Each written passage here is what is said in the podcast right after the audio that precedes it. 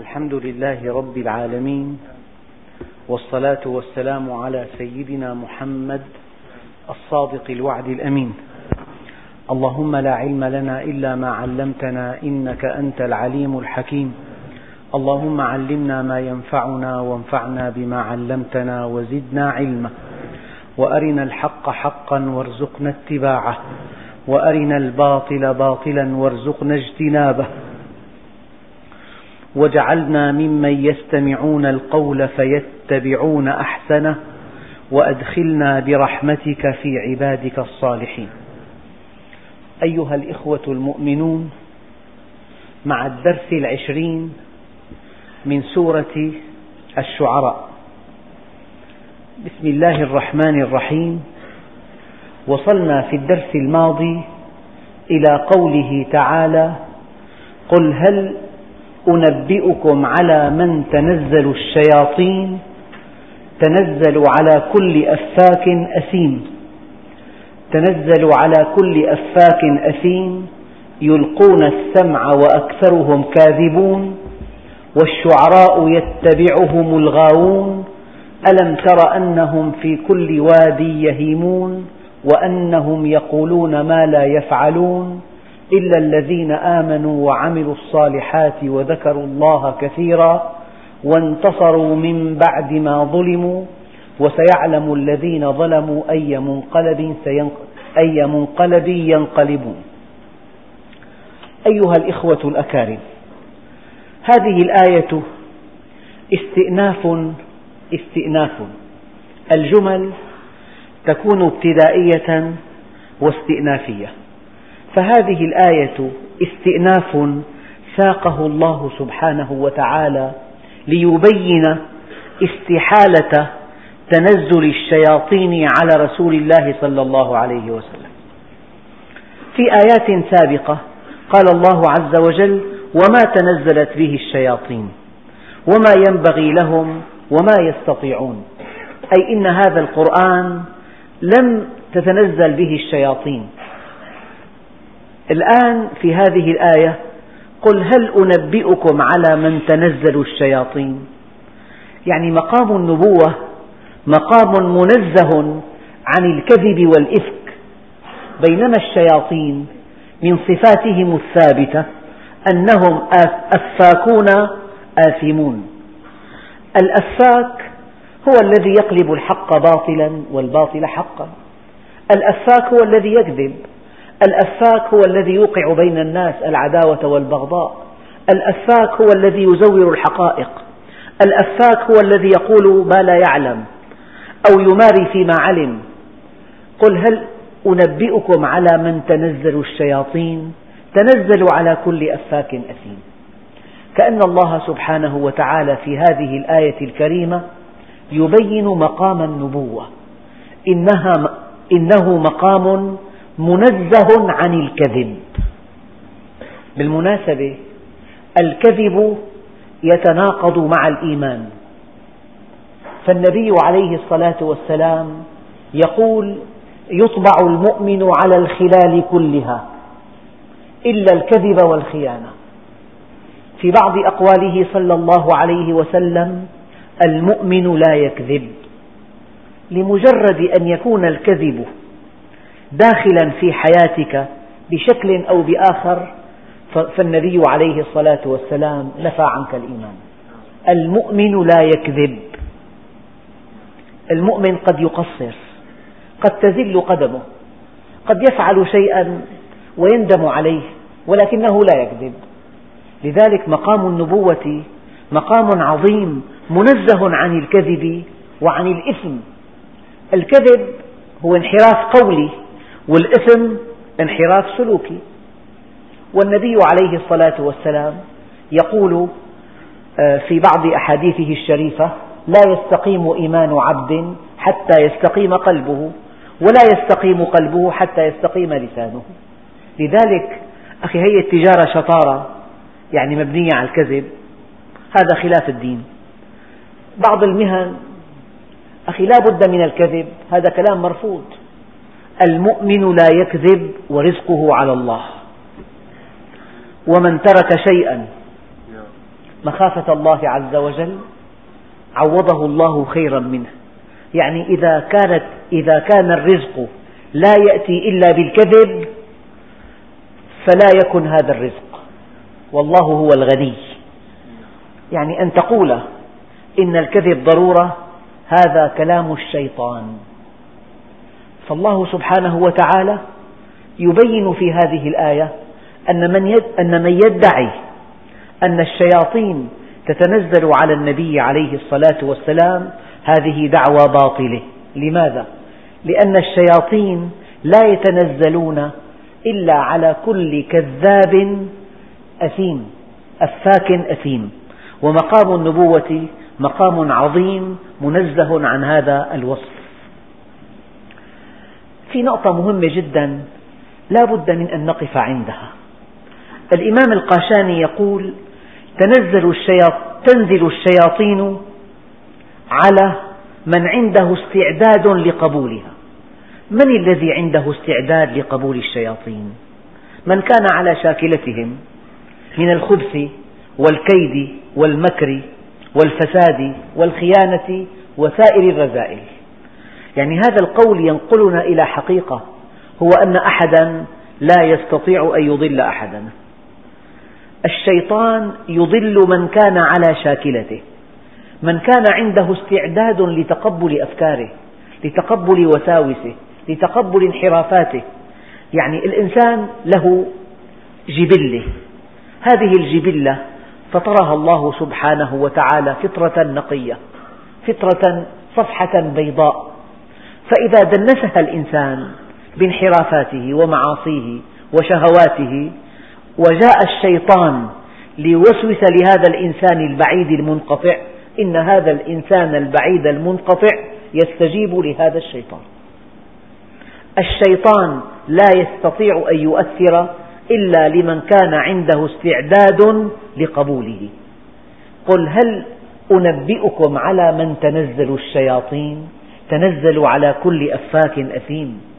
يعني منحرف منحرف في أقواله منحرف في أعماله. الإثم فعل المعاصي والموبقات واتباع الشهوات والميل نحو الغرائز والأفعال القبيحة. فالأفاك الأثيم هو الذي تنزل عليه الشياطين. شيء آخر يعني أحيانا المؤمن لا يمكن أن يصغي إلى قول الشياطين لا يمكن أن يصغي إلى وساوسهم لا يمكن أن يستجيب لهم. هذه حقيقة. هذا الذي يقول لك لا أستطيع هكذا فعل بي الجن هكذا دخلوا في بي هكذا هذا كله كلام لا يقبل وساوس الشياطين ولا يقبل إيحاءات الجن ولا يقبل تعاونه مع الجن إلا إذا كان على شاكلتهم. وهذه حقيقة واقعة في الحياة اليومية. الإنسان السيء يفسد من كان مثله سيئا أو من كان يملك استعدادا للفساد. عنده رغبة في الفساد يأتي المفسد فيفسده. أما الذي سمت نفسه وارتقت روحه واستقام على أمر ربه وأقبل عليه وشعر بالطهر والعفاف وشعر بالقرب من الله عز وجل مثل هذا الإنسان لا يستطيع شيطان الإنس ولا شيطان الجن أن يفسده. فلذلك أن يقول الإنسان كلما زلت قدمه الله يلعن الشيطان هذا كلام غير مقبول. لأن الشيطان نفسه يوم القيامة يقول وقال الشيطان لما قضي الأمر إن الله وعدكم وعد الحق ووعدتكم فأخلفتكم وما كان لي عليكم من سلطان. هذا كلام رب العالمين. هذا في القرآن الكريم. وما كان لي عليكم من سلطان. انتهى. ما كان لي عليكم من سلطان. إذا لا يستطيع الشيطان أن يفسد إلا من كان عنده استعداد للفساد. إلا من كانت عنده رغبة للفساد. إلا من كان على شاكلة الشيطان من الخبث والانحراف والكيد والخيانة والكذب والفجور والإثم. إنما استذلهم الشيطان ببعض ما كسبوا. كسبوا السيئات فجاء الشيطان فأزل أقدامهم. فلذلك الإنسان إذا زلت قدمه يجب أن يعلم علم اليقين أنه يتحمل وحده المسؤولية كاملة. ولا ينبغي له أن يحملها ولا أن يحمل بعضها للشيطان. قل هل أنبئكم على من تنزل الشياطين؟ تنزل على كل أفاك أثيم. المؤمن ليس أفاكا لا يكذب. النبي عليه الصلاة والسلام كان إذا شعر أن أحدا من أهل بيته قد كذب يغضب غضبا شديدا. ويقاطعه إلى أن يتوب.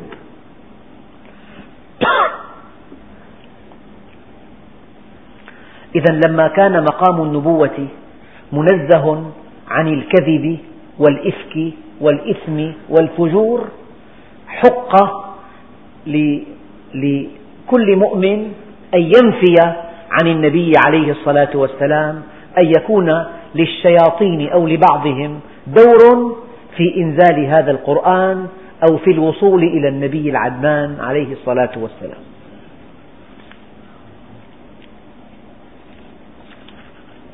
يلقون السمع وأكثرهم كاذبون. يلقون السمع. النبي عليه الصلاة والسلام سأله ناس عن الكهان. فقال صلى الله عليه وسلم إنهم ليسوا بشيء. الحديث طويل ولكن لو اكتفينا بهذا الكلام لكفى. إنهم ليسوا بشيء. يعني كل ما يقوله الناس من أعمال الجن ومن مكرهم ومن أفعالهم ومن تآمرهم على الإنس ومن علمهم بما سيكون كما قال سيد الخلق ولا ينطق عن الهوى. إنهم ليسوا بشيء كلهم. ليسوا بشيء. سئل النبي عليه الصلاة والسلام عن الكهان فقال إنهم ليسوا بشيء. فقالوا يا رسول الله إنهم يحدثون بالشيء يكون. وكثير من الإخوة الأكارم يسمعون من أقاربهم ممن حولهم ممن يلوذ بهم أن فلان مخاوي وتنبأ لفلان بكذا وكان كذا فما تفسير هذا؟ أجيب كما أجاب النبي عليه الصلاة والسلام إنهم ليسوا بشيء. لكن المشكلة أن الله سبحانه وتعالى دلنا في القرآن الكريم في آيات كثيرة على أن نستعيذ به. قل أعوذ برب الفلق من شر ما خلق ومن شر غاسق إذا وقب ومن شر النفاثات في العقد ومن شر حاسد إذا حسد.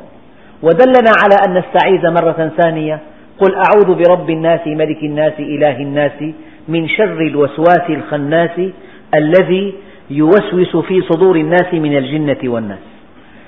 والنبي والله سبحانه وتعالى وصف المتقين فقال إن الذين اتقوا إذا مسهم طائف من الشيطان تذكروا فإذا هم مبصرون. وفي آية رابعة يقول الله عز وجل وإما ينزغنك من الشيطان نزغ فاستعذ بالله. أما أجمل ما في هذه الآية الأخيرة إنه هو السميع العليم. الآن يقول لك قائل أنا استعذت بالله والشيطان لم يبرحني. فماذا تفسر هذه الظاهرة؟ إنه هو السميع العليم. سميع لاستعاذتك باللسان ويعلم ما إذا كان قلبك حقيقة قد استعاذ بالله أم أنك اكتفيت بالاستعاذة بلسانك؟ يعني إذا كانت الاستعاذة باللسان هذه لا تكفي ولا تفعل شيئا ولا تستطيع هذه الاستعاذة باللسان أن تدفع الشيطان. لذلك إنه هو السميع العليم. فالإنسان إذا ألم به وسواس إذا ألمت به مشكلة إذا لاحت له شبهة إذا جاءته خواطر لا ترضي إنها من الشيطان. فليستعذ بالله ولكن فليستعذ بقلبه قبل لسانه.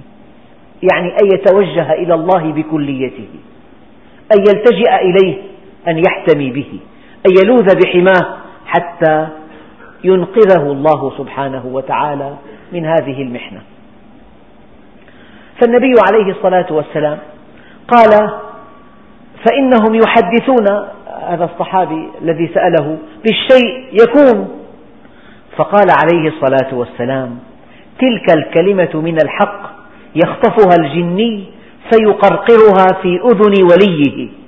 كقرقرة الدجاج فيخلطون معها أكثر من مئة كذبة. يعني حينما تنزل أوامر الله سبحانه وتعالى إلى الملأ الأعلى هناك من الشياطين من يستمعون. فإذا التقط أحدهم كلمة ألقاها في أذن الكاهن وكذب على منوالها مئة كذبة كما قال عليه الصلاة والسلام. إذا كذب المنجمون ولو صدقوا ومن أتى كاهنا فقد كفر بما أنزل على محمد. ومن أتى ساحرا فلم يصدقه لم تقبل له صلاة أربعين صباحا.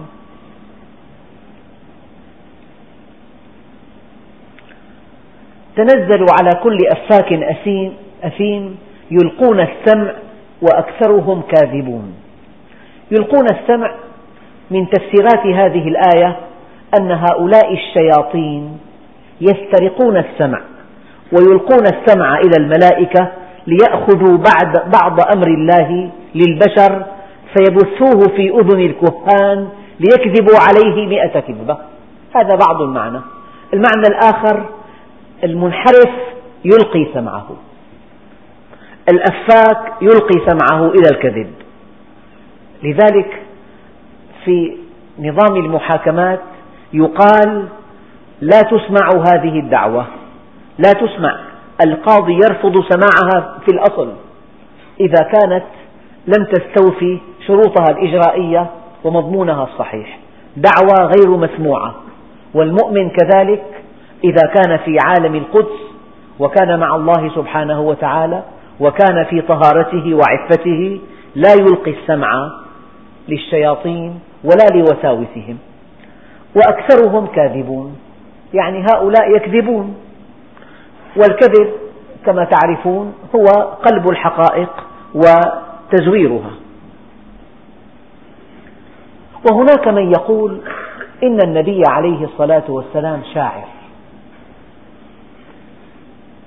وفي آيات كثيرة أشار الله سبحانه وتعالى إلى هذه التهمة التي اتهم بها النبي عليه الصلاة والسلام من أنه كاهن ومن أنه شاعر. في بعض الآيات الكريمة يقول الله عز وجل إنه لقول رسول كريم. وما هو بقول شاعر؟ قليلا ما تؤمنون ولا بقول كاهن قليلا ما تذكرون تنزيل تنزيل من رب العالمين. لا هو بقول شاعر ولا هو بقول كاهن بل هو قول رسول كريم تنزيل من رب العالمين. هذا هذا هو الحق. فهناك من ادعى ومن زعم من كفار قريش أن النبي عليه الصلاة والسلام شاعر. فكان هذا الرد. قال وإذا زعمتم أنه شاعر فالشعراء يتبعهم الغاوون الشعراء ليسوا كذلك من هو الشاعر؟ هذا الذي يتكلم كلاما وفق هواه فقد يمدح مديحا كاذبا وقد يهجو هجاء ظالما وقد يصف حالة ساقطة وقد يبالغ يعني هناك من الشعراء من يبالغ. ولو أن النساء كمن فقدنا لفضلت النساء على الرجال. يعني شاعر أراد أن يتقرب إلى المعتصم فلما توفيت أم المعتصم مدح أمه بقصيدة مطلعها ولو أن النساء كمن فقدنا لفضلت النساء على الرجال. من أجل هذه المرأة التي لا يعرف التاريخ عنها شيئا. قال الشاعر ولو أن النساء كمن فقدنا لفضلت النساء على الرجال. هذا كذب. هذه مبالغة مبالغة كبيرة. بعض الشعراء يمدح مديحا كاذبا مديحا لا أصل له يسبغ على ممدوحه صفات البطولة والكرم والشجاعة والتقوى وهو ليس كذلك. إذا هذا المديح الكاذب مديح فيه معصية لأن الله سبحانه وتعالى يغضب إذا مدح الفاسق. فمن أجل مكاسب رخيصة من أجل نوال محدود من أجل عطايا كان هذا الشاعر يسبغ على ممدوحه صفات كلها صفات آه، كلها آه، غير صحيحة. لذلك ربنا عز وجل قال هذا النبي الكريم ليس بشاعر لأن من شأن الشعراء أن يكذبوا هناك يعني لقطات كثيرة من أقوال الشعراء. مثلا هذا الذي قال أي عظيم أتقي وأي مكان أرتقي. وكل ما خلق الله وما لم يخلق محتقر في نظري كشعرة من مرفق هذا قول المتنبي. هذا شعر. ما قيمة هذا الشعر؟ هذا الكون العظيم الذي تحار به العقول. قال عنه المتنبي إنه محتقر في نظره. فهل يعقل أن يكون النبي شاعرا؟ هذا المتنبي الذي قال مرة أنا الذي نظر الأعمى إلى أدبي وأسمعت كلماتي من به صمم. أنام ملء جفوني عن شواردها ويسهر الخلق جراها ويختصم. الخيل والليل والبيداء تعرفني. والسيف والرمح والقرطاس والقلم. بطل. فارس مغوار شجاع لا يهاب المنايا. كان في طريقه من بغداد إلى حلب أو من البصرة إلى حلب. خرج عليه كمين فولى هاربا. فقال له غلامه ألم تقل الخيل والليل والبيداء تعرفني؟ والسيف والرمح والقرطاس والقلم. فقال قتلتني قتلك الله. وعاد فقاتل حتى قتل. إذا هناك مبالغات. شيء غير صحيح. لذلك النبي عليه الصلاة والسلام أعظم بكثير وأسمى بكثير من أن يكون شاعرا. وما علمناه الشعر وما ينبغي له. ما علمناه الشعر وما ينبغي له. إنه رسول الله. يعني الشاعر ينطلق من خيال وقد يبتعد عن الواقع. الإسلام دين الفطرة. لذلك هناك تناقض بين ما هم عليه الشعراء وبين قواعد الدين. ليس من قواعد الدين أن تكذب في المديح وليس من قواعد الدين أن تهجو هجاء مقبعا ولا هجاء مرا وليس من قواعد الدين أن تثير الغرائز بشعر رخيص. هذا كله من صفات الشعراء والنبي عليه الصلاة والسلام فوق ذلك. من مبالغات إلى غزل إلى هجاء إلى وصف كله ما أراده الله سبحانه وتعالى. ولكن الحقيقة التي أحب أن أقررها في هذا الدرس هو أن الإسلام لم يهاجم الشعر لذاته. هاجمه لمضمونه. لم يهاجمه لذاته بل هاجمه لمضمونه. لأن مضمونه يتنافى مع قواعد الدين. فكل شاعر سخر شعره للهجاء الباطل وللمديح الكاذب ولإثارة الغرائز وللتحليق في عالم الخيال مبتعدا عن الواقع فهذا الشاعر ينطبق عليه قول الله عز وجل والشعراء يتبعهم الغاوون إلا أن الشعر كما يقول العلماء كلام حسنه حسن وقبيحه قبيح. هذا حكم فقهي في الشعر. النبي عليه الصلاة والسلام نوه فقال إن من البيان لسحرة وإن من الشعر لحكمة إن من هذه من للتبعيض. يعني بعض الشعر فيه حكمة وبعض البيان فيه سحر. ما كل البيان ساحر وما كل الشعر حكيم. إن من البيان لسحرة وإن من الشعر لحكمة.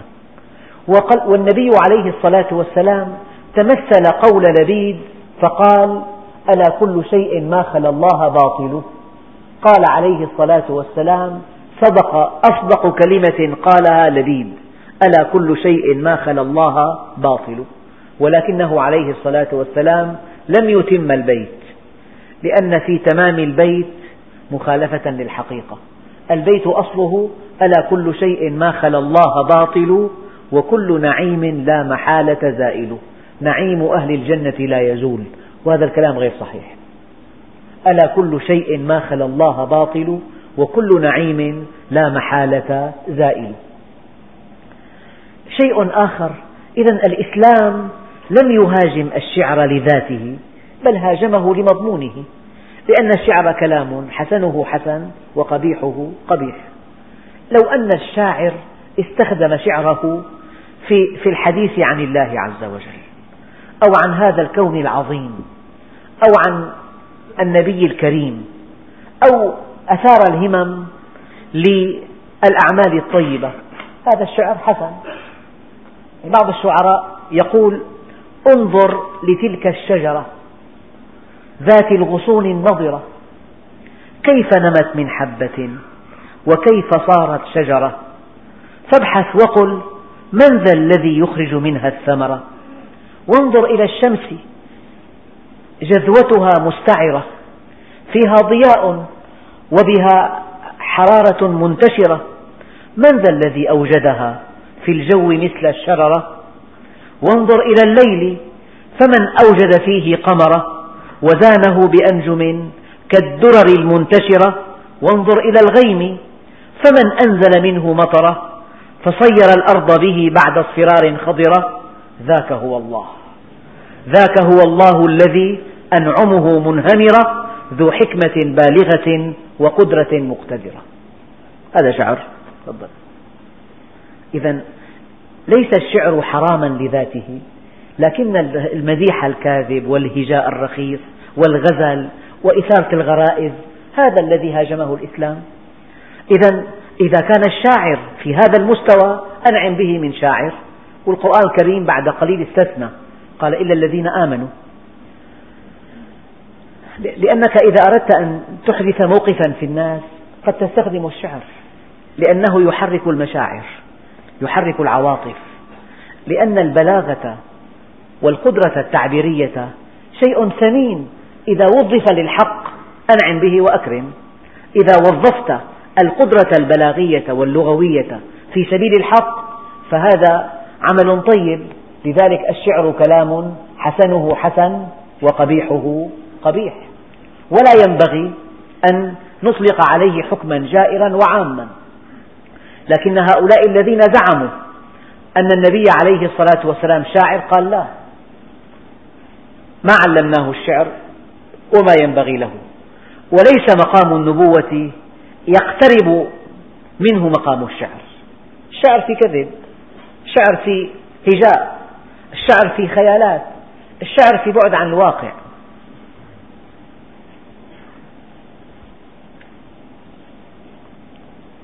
يعني كافور الأخشيدي المتنبي مدحه بقصيدة يعني جعل من هذا الإنسان أحد أصحاب رسول الله هكذا. فلما غضب عليه ولم يوله العراق قال لا تشتري العبد إلا والعصا معه إن العبيد لأنجاس مناكيد. وقال في كل أرض وطئتها أمم ترعى بعبد كأنهم غنم يستخشن الخز حين يلبسه وكان يبرى بظفره القلم. هذا الشعر رفعه إلى مستوى عالي جدا فلما أحبط مسعاه ويئس منه جعله في أسفل سافلين. كذب. أما النبي عليه الصلاة والسلام نهانا أن يحملك الغضب على أن تبالغ أو أن يحملك الرضا على أن تبالغ. يجب أن تقف عند الواقع عند ما هو كائن. فكل زيادة وكل مبالغة ليس من شأن المؤمن.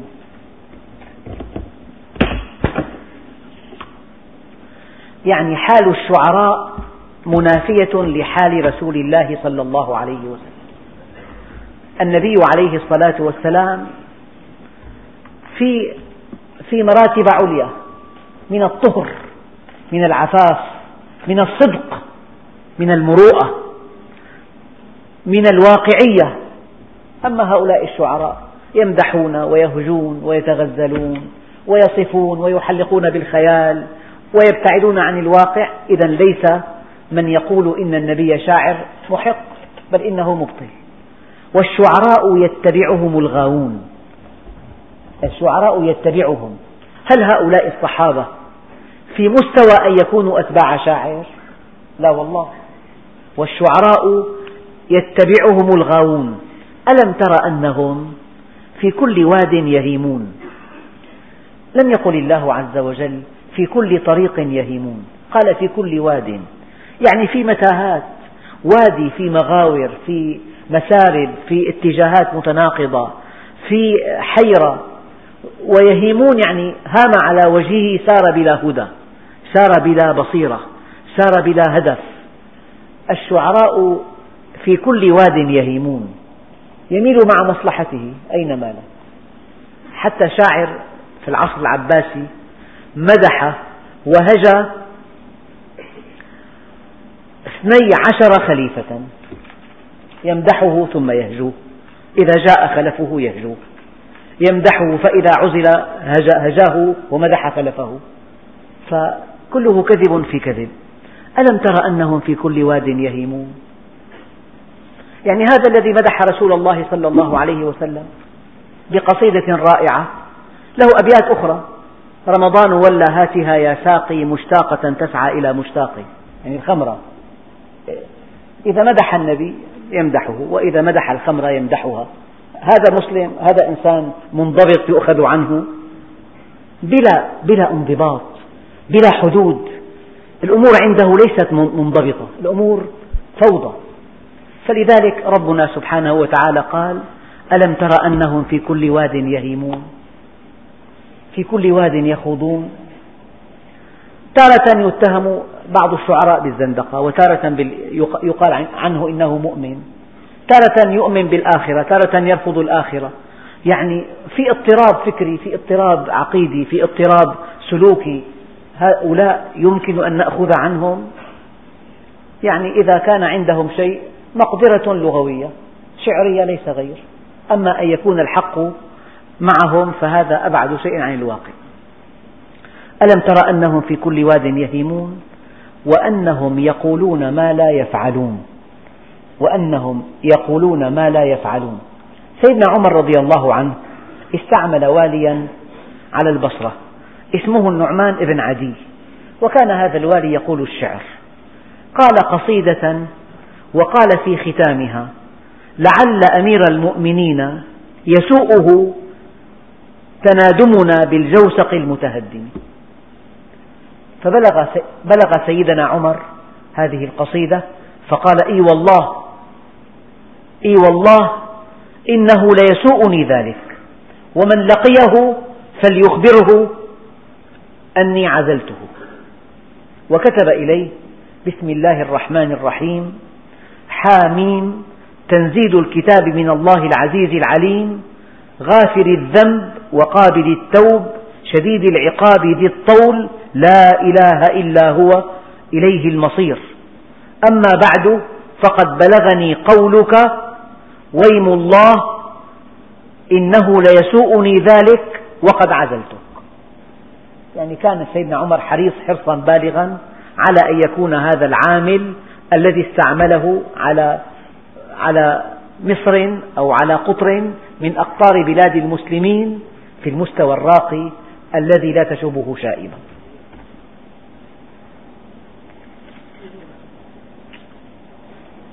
شيء آخر متعلق بهذا الموضوع هو أن بعض أصحاب النبي عليهم رضوان الله.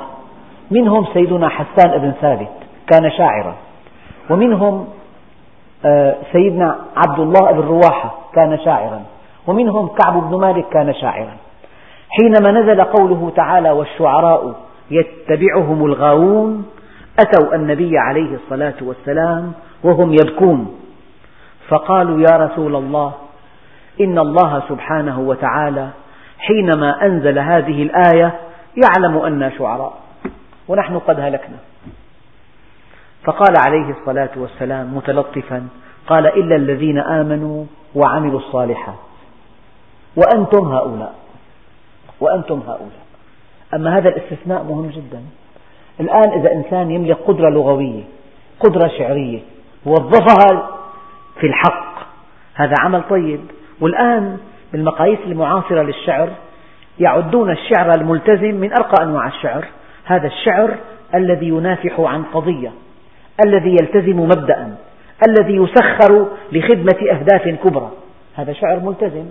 سيدنا حسان بن ثابت في شعره وسيدنا عبد الله بن رواحة في شعره أيضا وسيدنا كعب بن مالك في شعره.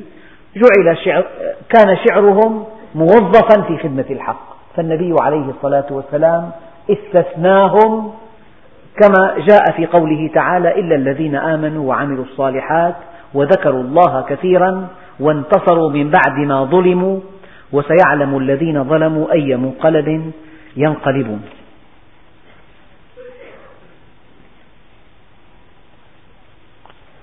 وقد أثر عن النبي عليه الصلاة والسلام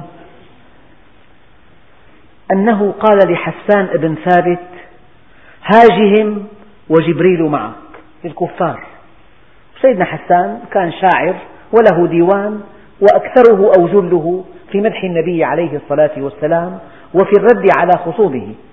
إذا النبي عليه الصلاة والسلام قال هاجهم وفي رواية أهجهم وجبريل معك. وفي حديث آخر رواه الإمام أحمد في مسنده عن كعب بن مالك أنه سأل النبي عليه الصلاة والسلام عن هذه الآية فقال إن المؤمن يجاهد بسيفه ولسانه. إن المؤمن يجاهد بسيفه ولسانه. والذي نفس محمد بيده لكأنما ترموهم به نضح النبل. يعني هذه القصائد التي ينظمها أصحاب رسول الله في الرد على أعداء الإسلام كأنها نبال تصيبهم. هذا بعض ما جاء في السنة المطهرة عن شعراء الإسلام الذين نافحوا بشعرهم عن هذا الدين العظيم. ألم تر, في أن ألم تر أنهم في كل واد يهيمون وأنهم يقولون ما لا يفعلون؟ وهذا شيء خطير. يقولون ما لا يفعلون. يعني هم في واد وأفعالهم في واد.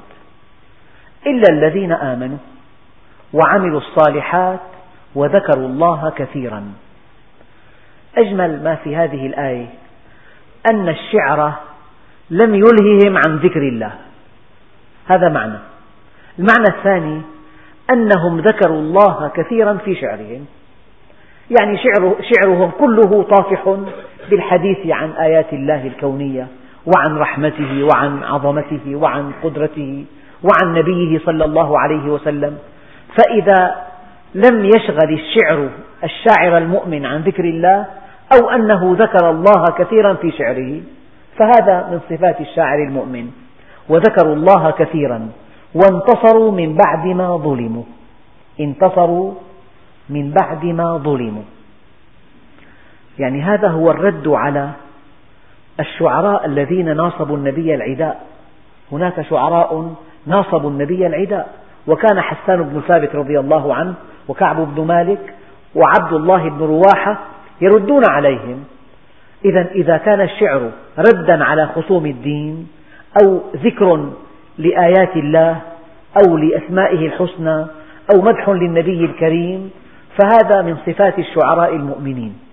إلا الذين آمنوا وعملوا الصالحات وذكروا الله كثيرا وانتصروا من بعد ما ظلموا. وسيعلم الذين ظلموا. هذه مطلقة. يعني أي ظالم؟ سيعلم الذين ظلموا أي منقلب ينقلبون. أي ظالم وبعضهم قال سيعلم الذين ظلموا من هؤلاء الشعراء ظلموا الناس بهجائهم ظلموا الناس بمديحهم الكاذب بنفاقهم بثرثرتهم بإثارة الغرائز. سيعلم الذين ظلموا أي منقلب ينقلبون. سيدنا الصديق رضي الله عنه حينما آه، عهد بالخلافة إلى عمر بن الخطاب كتب هذه الوصية فقال بسم الله الرحمن الرحيم. هذا ما وصى به أبو بكر ابن أبي قحافة عند خروجه من الدنيا. حين يؤمن الكافر وينتهي الفاجر ويصدق الكاذب. إني استخلفت عليكم عمر بن الخطاب فإن يعدل فذلك ظني به ورجائي فيه. وإن يجر ويبدل فلا, فلا علم لي بالغيب. يعني وصية رائعة جدا. فإن يعدل فذلك ظني به ورجائي فيه. وإن يجر يعني يظلم ويبدل فلا علم لي بالغيب. ومتى هذا ما أوصى به أبو بكر, أبو بكر ابن أبي قحافة عند خروجه من الدنيا حين يؤمن الكافر وينتهي الفاجر ويصدق الكاذب إني استخلفت عليكم عمر بن الخطاب فإن يعدل فذلك ظني به وإن يجر ويبدل فلا علم لي بالغيب. إذا هذا على قوله تعالى وسيعلم الذين ظلموا أي منقلب ينقلبون. إذا إذا الإنسان تعلم اللغة. وسيدنا عمر قال تعلموا العربية فإنها من الدين. إذا أردت أن تدعو إلى الله عز وجل فهي الوسيلة الوحيدة الأداة الطيعة فإذا استخدمت اللغة استخدمت العبارة الأدبية القوية إذا استخدمت البيان النبي عليه الصلاة والسلام قال إن من البيان لسحرة وإن من الشعر لحكمة. فإذا وظفت هذه كما وظفها أصحاب النبي عليه الصلاة والسلام في الحق فهنيئا لك. وإذا كان هذا الذي امتلك ناصية البيان كهؤلاء الشعراء المنحرفين الذين يكذبون ويأفكون ويتهمون ويجورون ويظلمون فالويل له لقوله تعالى وسيعلم الذين ظلموا أي منقلب ينقلبون والحمد لله رب العالمين اللهم لا عيش إلا عيش الآخرة فارحم الأنصار والمهاجرة. وكان في أثناء حفر الخندق يقول هذه الأحمال لا أحمال خيبر الله أعز ربنا وأكبر. وكان يقول هل أنت إلا إصبع دميت وفي سبيل الله ما لقيت النبي كان أفصح العرب. وهكذا يقول أنا أفصح العرب بيد أني من قريش. يعني أريد كملخص لهذا الدرس الإنسان إذا قويت لغته ووظفها في سبيل الحق فهذا عمل طيب. أما أن تحمله لغته الجميلة وبيانه الرائع على أن يتهجم وأن يهجو وأن يثير الغرائز فهذا الذي لا يرضى الله عنه وهذا الذي تنطبق عليه الآية الكريمة والشعراء يتبعهم الغاوون. والنبي عليه الصلاة والسلام كان أفصح العرب وأفصح كلام بعد كلام الله هو كلام النبي الكريم. وكان إذا تكلم يعد المستمع كلماته كان هادئا وكانت كلماته تخرج من فمه وكأنها لآلئ إذا تكلم يعني آه، إذا تكلم علاه حياء وبهاء جمال وبهاء وإذا صمت فعليه الوقار. وكان منطقه فصل لا هزر ولا نزر. وكان يقول نضر الله من أوجز في كلامه واقتصر على حاجته. مرة سيدنا الصديق رأى شخصا يطيل الكلام فقال إياكم وكثرة الكلام فإن كثرة الكلام ينسي بعضه بعضا في أقوال كثيرة حول الفصاحة والبلاغة والقدرة على التعبير والقدرة على نقل الحقائق هذه إذا أخذنا بها ووظفناها في الحق هذا هو المطلوب. أما أن تنحرف فهذا الذي لا يريده الله سبحانه وتعالى. والحمد لله رب العالمين.